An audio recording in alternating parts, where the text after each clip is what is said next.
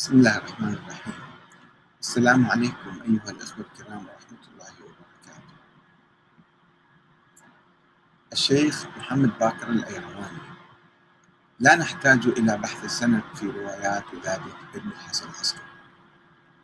الأيرواني يرفض ممارسة الاجتهاد ويبني عقيدته على مجموعة افتراضات وهمية وروايات مختلقة أسطورية.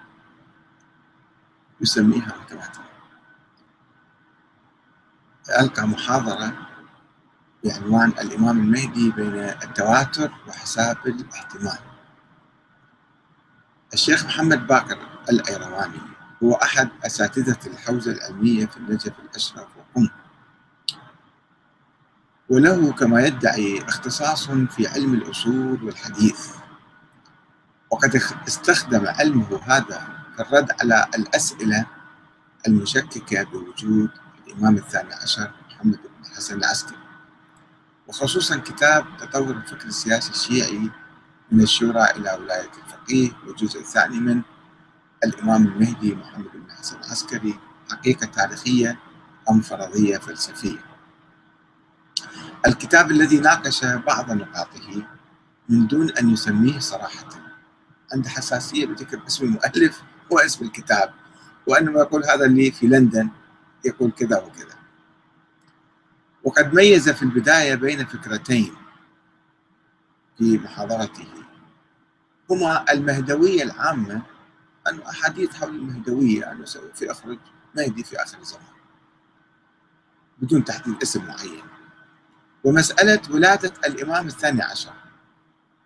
هذه مسألتين. مسألة المهدي يطلع في آخر الزمان شيء ومحمد بن حسن العسكري ولد شيء آخر.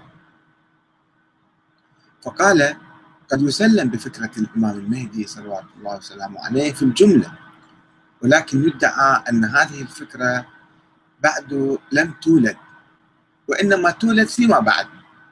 فشخص بعنوان الإمام المهدي لن يتحقق بعد.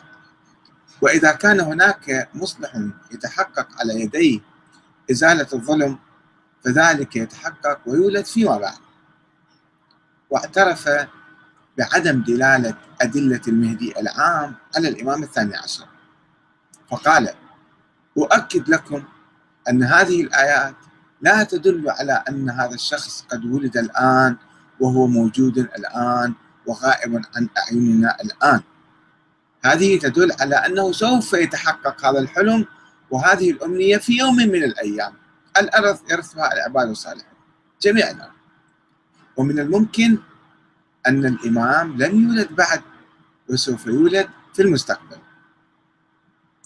وتتحقق هذه الأمنية على يده في المستقبل من دون أن يكون مولودا الآن. فمثل هذه الآيات لا تثبت ولادة الإمام وأنه غائب. بل من المحتمل أنه سوف يولد مثل هذا الشخص في المستقبل.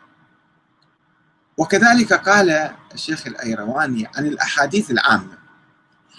قال هذه ما تدل على شيء؟